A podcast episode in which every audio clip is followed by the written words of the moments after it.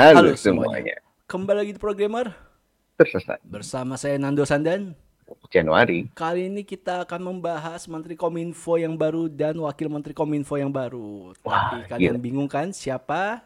Sesuai dengan thumbnail kita. Ini dia.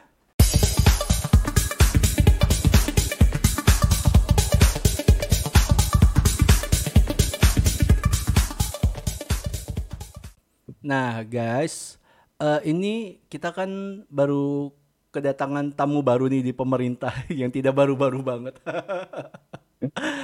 Orang Jadi, lama, Orang, orang lama sebenarnya. Jadi kan karena kasus Pak Joni G Plate yang ketangkap itu, jadi kan ada kekosongan kan di posisi eh Menkominfo-nya gitu. Nah, akhirnya dilantiklah kemarin ya Jan ya. Kalau nggak salah ya Jan ya, untuk Menkominfo yang barunya yaitu Pak Budi Aristiadi berserta wakil wakil Menkominfo-nya yaitu Nezar Patria. Nah, bisa dilihat nih untuk secara pendidikan eh kalau Pak Budi ini lebih ke si eh, apa? Sospol ya Jan ya. Halo? Yap. Halo, halo. Bentar-bentar, Pak. Wah, Di saya Bapak pe- Oh, enggak. Maaf Pak, tadi Enggak, muka enggak, Bapak hijau semua. wah, gimana nih? Waduh, gimana nih, Jan? Nggak boleh nih kita ngomong. Nggak bercanda ya. Iya nih, udah disadap nih. Udah nih. Waduh, kerjasama Udah mau jelek-jelekin soalnya. Enggak, enggak. Kita kan cuma memperkenalkan siapa tahu masyarakat luas eh, belum kenal-kenal banget dan semoga anak IT juga tahu nih ketua geng kita di Indonesia ini siapa gitu loh maksud gua. Wah, geng. Wah. Nah kan kita lihat ya pendidikannya kan lebih ke sospol gitu kan manajemen Yo. bangun sosial UI dan ilmu komunikasi gitu. Oh, oh komunikasi lebih. Ini Iluni UI Jan sempat ketua Iluni UI si Pak Budi Ari ini gitu untuk yang bagian kalau nggak salah ya sosial politik gitu Mhm. ya atau komunikasi. Nah sementara Pak Neza Patria ini lebih ke eh, macam-macam ya. Ada filsafat Terakhir satunya. bisnis ya. Eh, S2-nya banyak, Jan. Public Wah, duitnya banyak, International.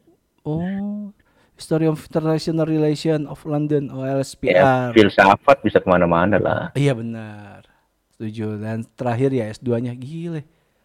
Keren juga nih orang. Kayak Pak Iwan.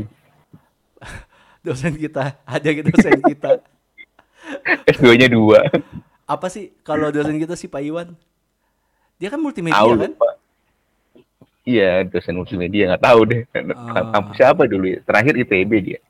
Oh terakhir ITB, tiba-tiba multimedia. Bisa Mm-mm. jadi, bisa aja emang tuh dosen.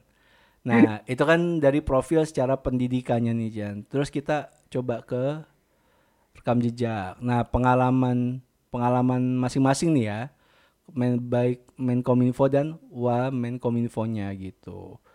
Nah lebih jejak terakhir si Pak Budi ini adalah Wakil Menteri Desa Pembangunan Daerah gitu. Sisanya sih lebih ke eh, ada Ketum po- Projo. Ketum Projo. Projo ini apa Jan? Pro Jokowi. Ah, Oh, mantap.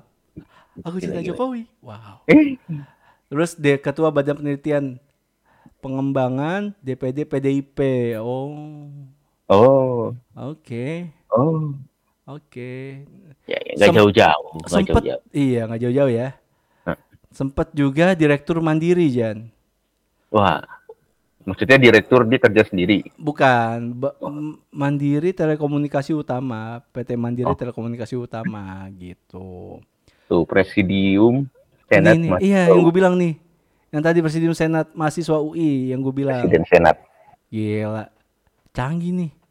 Bapak ini nih. Nah, seperti itu jejak sih pengalaman Pak Budi Ari. Sementara Pak Neda Patria nih Jan, banyak nih Jan.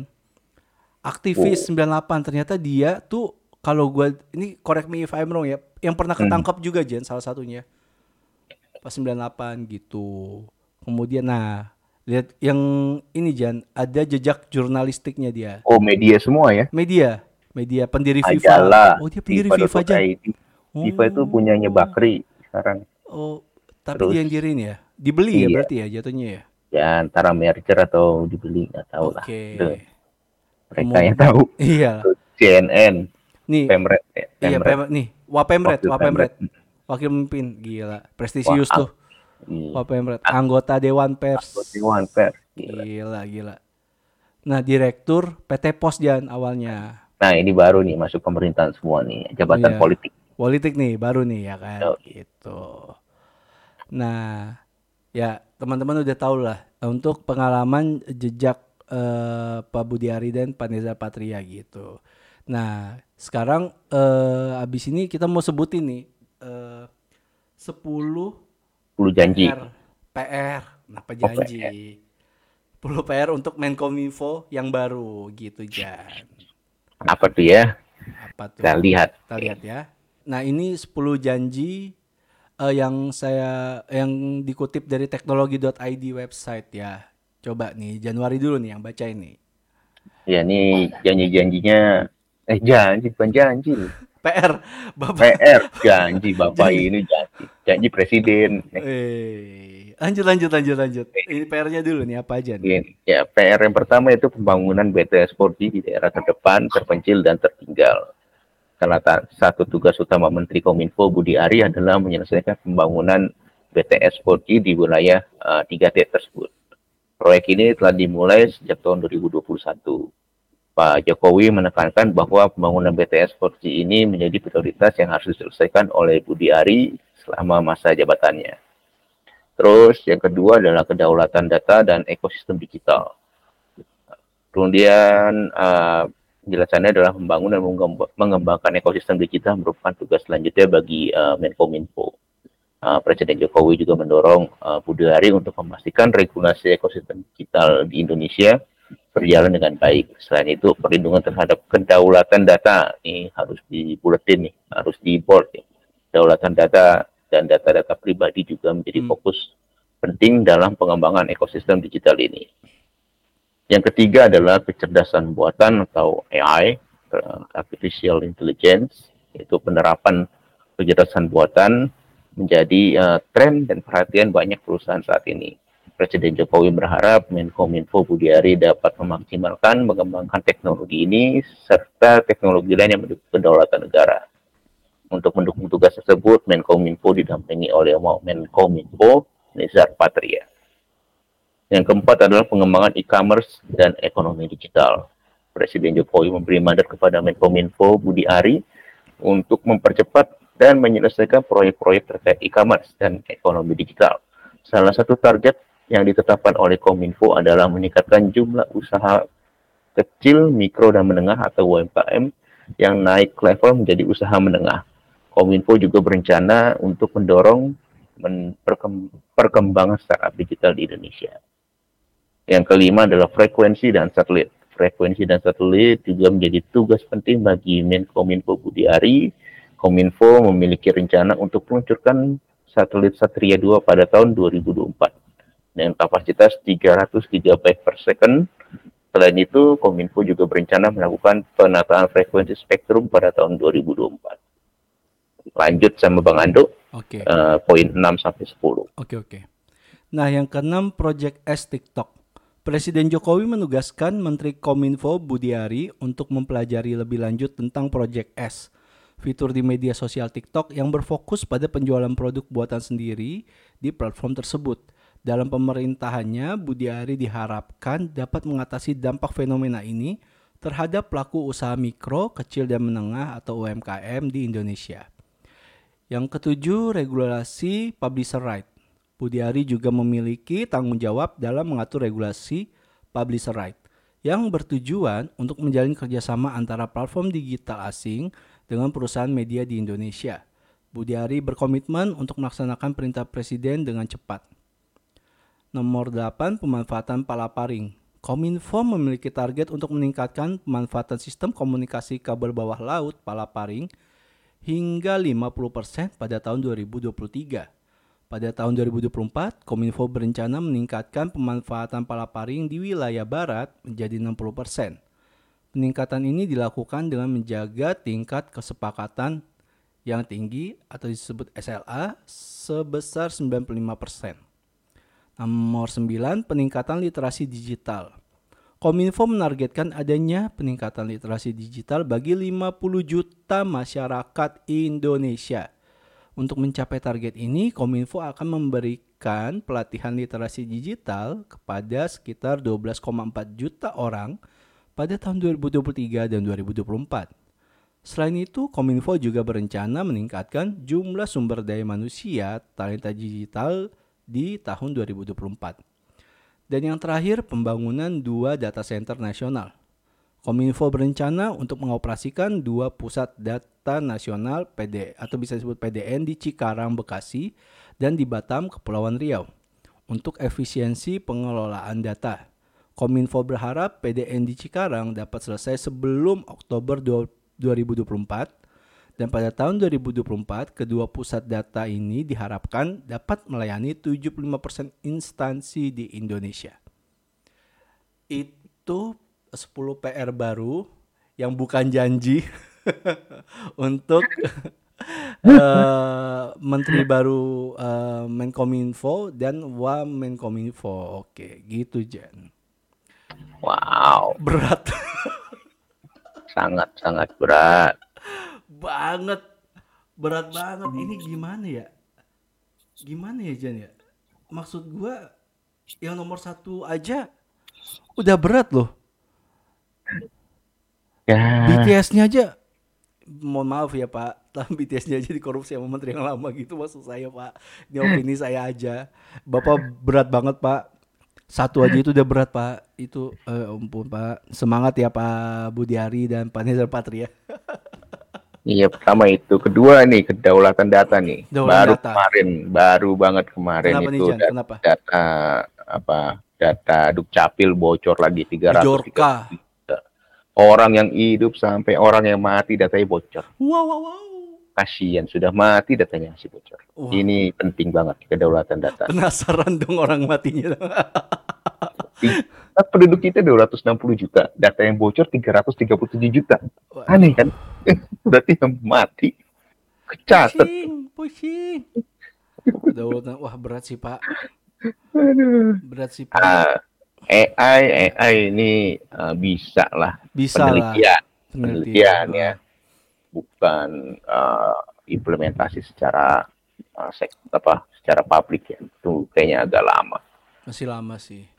Pengembangan e-commerce dan ekonomi digital Udah lumayan lah ini John.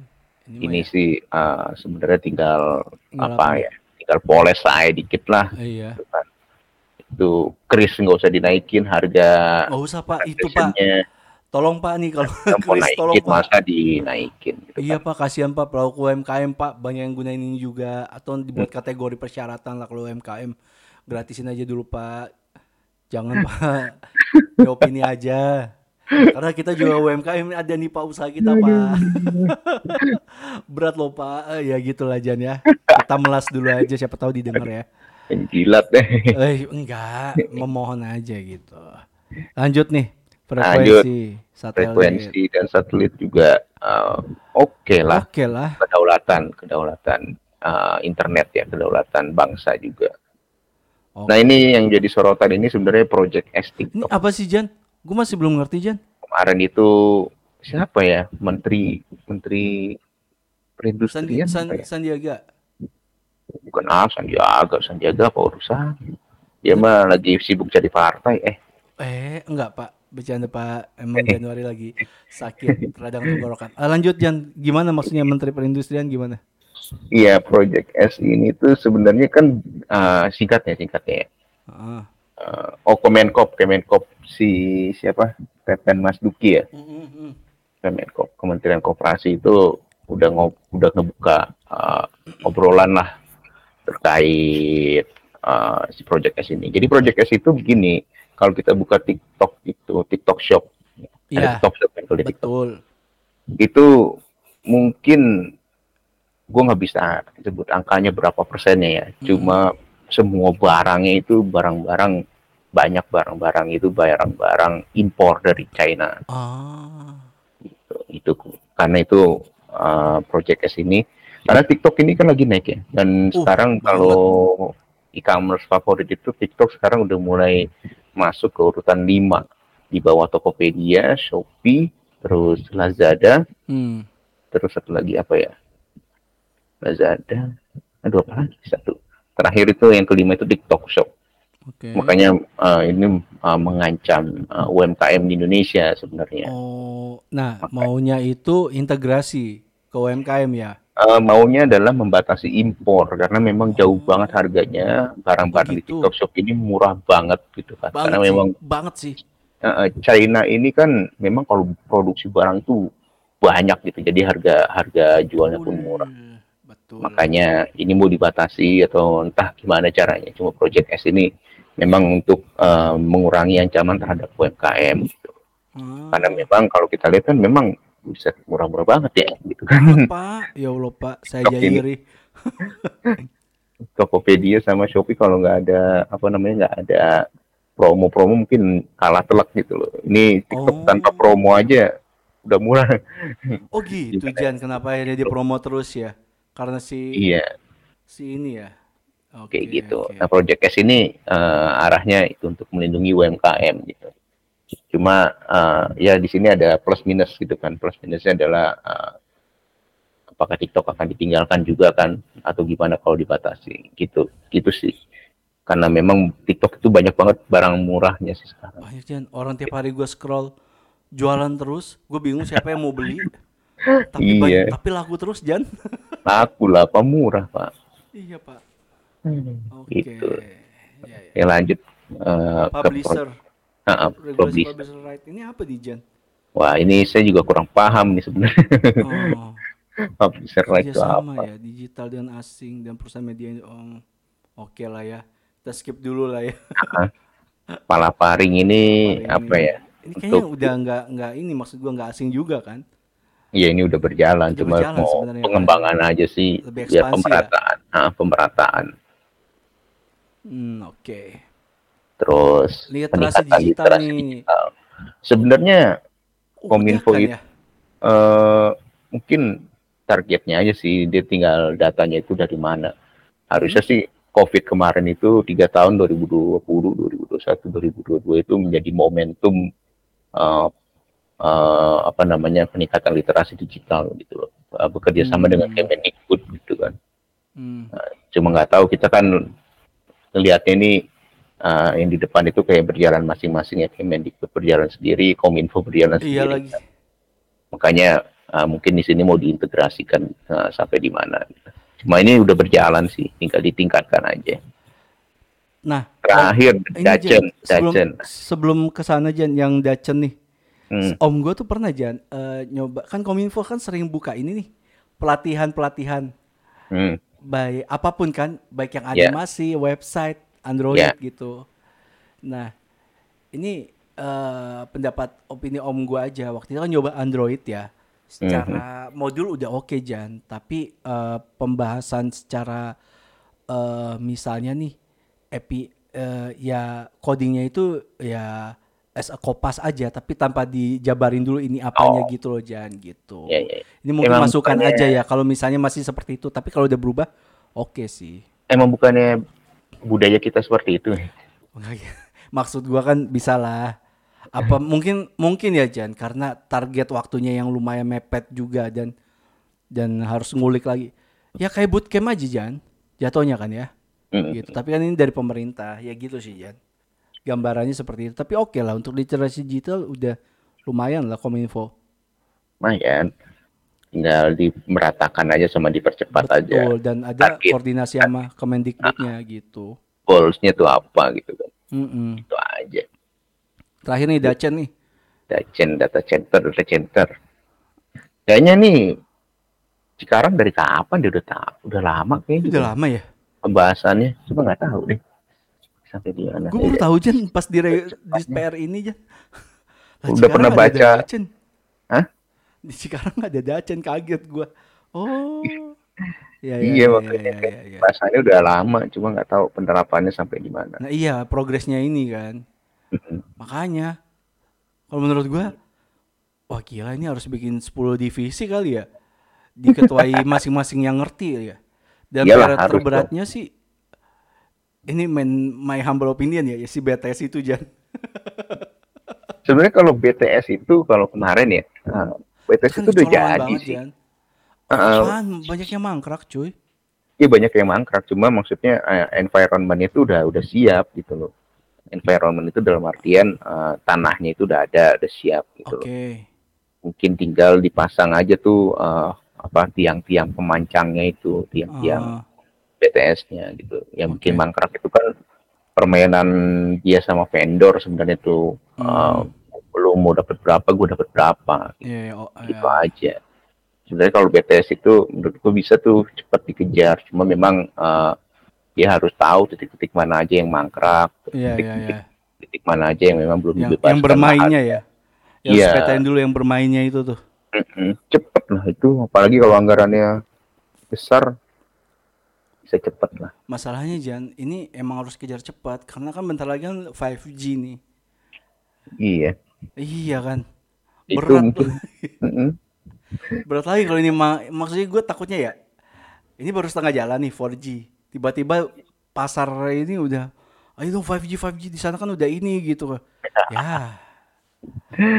Gagal lagi dong nanti takutnya, takutnya opini saya gitu ya. Ya, ya emang sih strateginya emang harus bikin ini sih Jan. Tiap divisi nih kayaknya. Kalau kayak begini berat. harus ada eh, mereka ya itu internal kementerian lah asal jangan eh, ini kan kalau kita lihat ini eh, dua-duanya ini orang-orang dekat sama yang satu dekat sama media yang satu dekat sama Nah, Jokowi menarik nih, nih, menarik nih. ya kan ini Gimana sep- nih? 10 PR ini harusnya diselesaikan gitu kan Harusnya. Eh, cuma ini karena ini dekat dengan media kan kita jadi eh, agak curiga gitu kan Tak- Ini menurut pendapat pendapat lu aja ya Jan ya, sama pendapat gua ya. Menurut dari pendapat gua dulu ya. Ini kan bentar lagi menurut ini menurut gua eh semoga jangan salah artikan. Karena kan Jokowi kan tinggal satu tahun lagi, du- 2024 ya. Berarti ya iya ya. Oktober ya Oktober. Oktober gitu. Dengan amunisi baru ini nih Pak Budi Ari dan Pak Neza Patria yang di mana Pak Nezarnya juga ada coba Jan eh, share yang tadi Jan jejak ininya. Cek digital. Jejak di nah pengalamannya. Ya kan jurnalistik. Mungkin untuk menghandle pas nanti pemilu takut ada chaos menurut gua gitu. Iya, bisa jadi. bisa jadi. Atau kalau menurut gue ada ketakutan gitu uh, untuk Ketakutan. uh, mengontrol media gitu malah gitu. Jadi Hmm, kan kita tahu ya mungkin uh, uh, mungkin kalau gue apa namanya gue salah bisa dikoreksi. iya Kan ya, indeks koreksi. demokrasi kita kan juga uh, agak menurun nih di zaman Pak Jokowi nih. Gitu. iya Takutnya uh, karena Februari tahun depan kita uh, masuk pemilu itu kan pemilihan Mhm. presiden Mhm. uh, takutnya malah uh, penunjukannya ini arahnya ke sana gitu ke arah politis. Iya, ya itu cuma kita lihat lah. Kita lihat aja. Karena mereka juga di sini bekerjanya profesional ya mudah-mudahan juga uh, sebagai menteri dan wakil menteri juga harusnya profesional. Amin. Ya. Ya selesaikan aja PR-nya gitu. iya Pak. Dan Ah, ah. pun kalau kalian selesai PR-nya nggak usah kalian mengontrol media nggak usah kalian mengontrol pers pasti kalian dipilih lagi gitu kan atau iya. golongan yang dipilih lagi gitu menurut kan. Menurut gua iya, kalau perform kalian bagus juga repeat order kan maksud gua. Yo. Itu kan? aja, prestasi iya. aja gitu. Ya karya kayak karyawan kon eh iya mau Kok kontrak, Pak. Karyawan kontrak bagus-bagus jadi karyawan tetap gitu. Betul betul. Beda, Tapi beda, kalau anda jadi punya ya. karyawan tetap nanti jadinya diktator ya. Oh, iya, iya, iya, iya, iya, iya, iya. ya gitu sih Pak ya gua gua harap sih ya legacy Pak Joni J. Plate yang BTS itu diperbaiki. Itu aja itu aja dulu pak. Kita butuh Iya. banget pak 4G ini pak. Kalau itu selesai ini kan masalahnya di BTS ya. Maksudnya yang terla- terlihat banget itu BTS gitu kan. Ah, kalau ini selesai wah anda dapat applause yang sangat meriah. Gitu. Iya pak. Selesai itu dalam artian kita ke mana aja 4G ya. Eh, legasinya ada gitu membekas loh iya. Dan akan jadi ini maksud gua Jan. Walaupun basicnya bukan IT tapi akan jadi sorotan tersendiri. Loh dia bukan IT tapi bisa tuh iniin untuk kominfonya maksimal gitu kan? Iya. Iya. Ah, nggak usah harus orang terkait kayak Menkes kita aja sih Pak siapa namanya? Siapa sih Menkes kita? Ah, gue lupa Jan. Gue lupa Jan. Lagi banyak kontroversi di sama ID kan juga. iya. ya ampun, kasihan banget Jan itu Jan. Semangat ya Pak Menkes ya. Siapa sih Jan? Gue lupa Jan. Sambil nyari ya, saya lupa maaf nih ya. Maaf nih ya, maaf ya. Namanya kalau dadakan gini langsung Iya, maaf Pak ya. Budi Gunawan. Budi Gunawan. Banyak yang namanya Budi. Ah, ya. Ini Budi lagi nih. Kan. Ya, mau gimana udah namanya begitu, masa kita marah? Ada Budi Waseso, ada Waduh, Budi waduh. Gunawan, Iya, ada Budi Ari. Budi Ari. Banyak nih. Pak Ya kayak Pak Budi aja gitu kan kelihatan kan di Kemenkes itu banyak Hmm. apa namanya perbaikan sejak COVID. Ya orang kan jadi ngeliat oh iya bagus kok Pak Menkes ya mungkin juga banyak kurang-kurangnya cuma dari sisi lain kan banyak bagusnya. Oh, iya, iya, kayak iya. Vaksinasi dipercepat, Betul, betul, betul. penanganan COVID juga dipercepat. Iya, iya, iya. Lumayan banget. Wow. ya. yang ikut pembangunan nasional juga eh, sama pemulihan nasional juga jadi cepat gitu kan jadi ya ya nggak harus di bidangnya lah gitu kan Iya. Pak Budi kan juga dari ekonomi ya Iya sih. lah ini Pak Budi Hari Wamendes. Wamen Mendes bukan itu ketua DPD PDIP Oh ya enggak dong karir yang ininya. Oh, iya. ditarik untuk kominfo. Kan bingung juga mau itu apa ya. Mungkin ini dulu paling amunisi yang ada kan gitu kan. Ya, udah. iyalah apalagi udah punya pengalaman jadi Wamendes ya cepat Oke lah lah adaptasinya cepet lah. Heeh, bisa lah. Ya asal jangan ikut-ikutan nama kayak menteri kemarin pak. Tolong jangan ya pak. Waduh. Jangan ada deal-dealan yang merugikan gitu pak. Ya pak pokoknya pakai pakai aja kekuasaan buat itu eh, menyelesaikan pekerjaan dan untuk Mm-mm. masyarakat. Itu pak. Pasti masyarakat nggak usah kalian tadi uh, kekhawatiran kita nggak usah kalian buka media nggak usah kalian arahkan Hmm. pers. Mm-mm. orang udah pasti percaya, kalau percaya kalian tadi kalau coba. maksimal iya. Iya.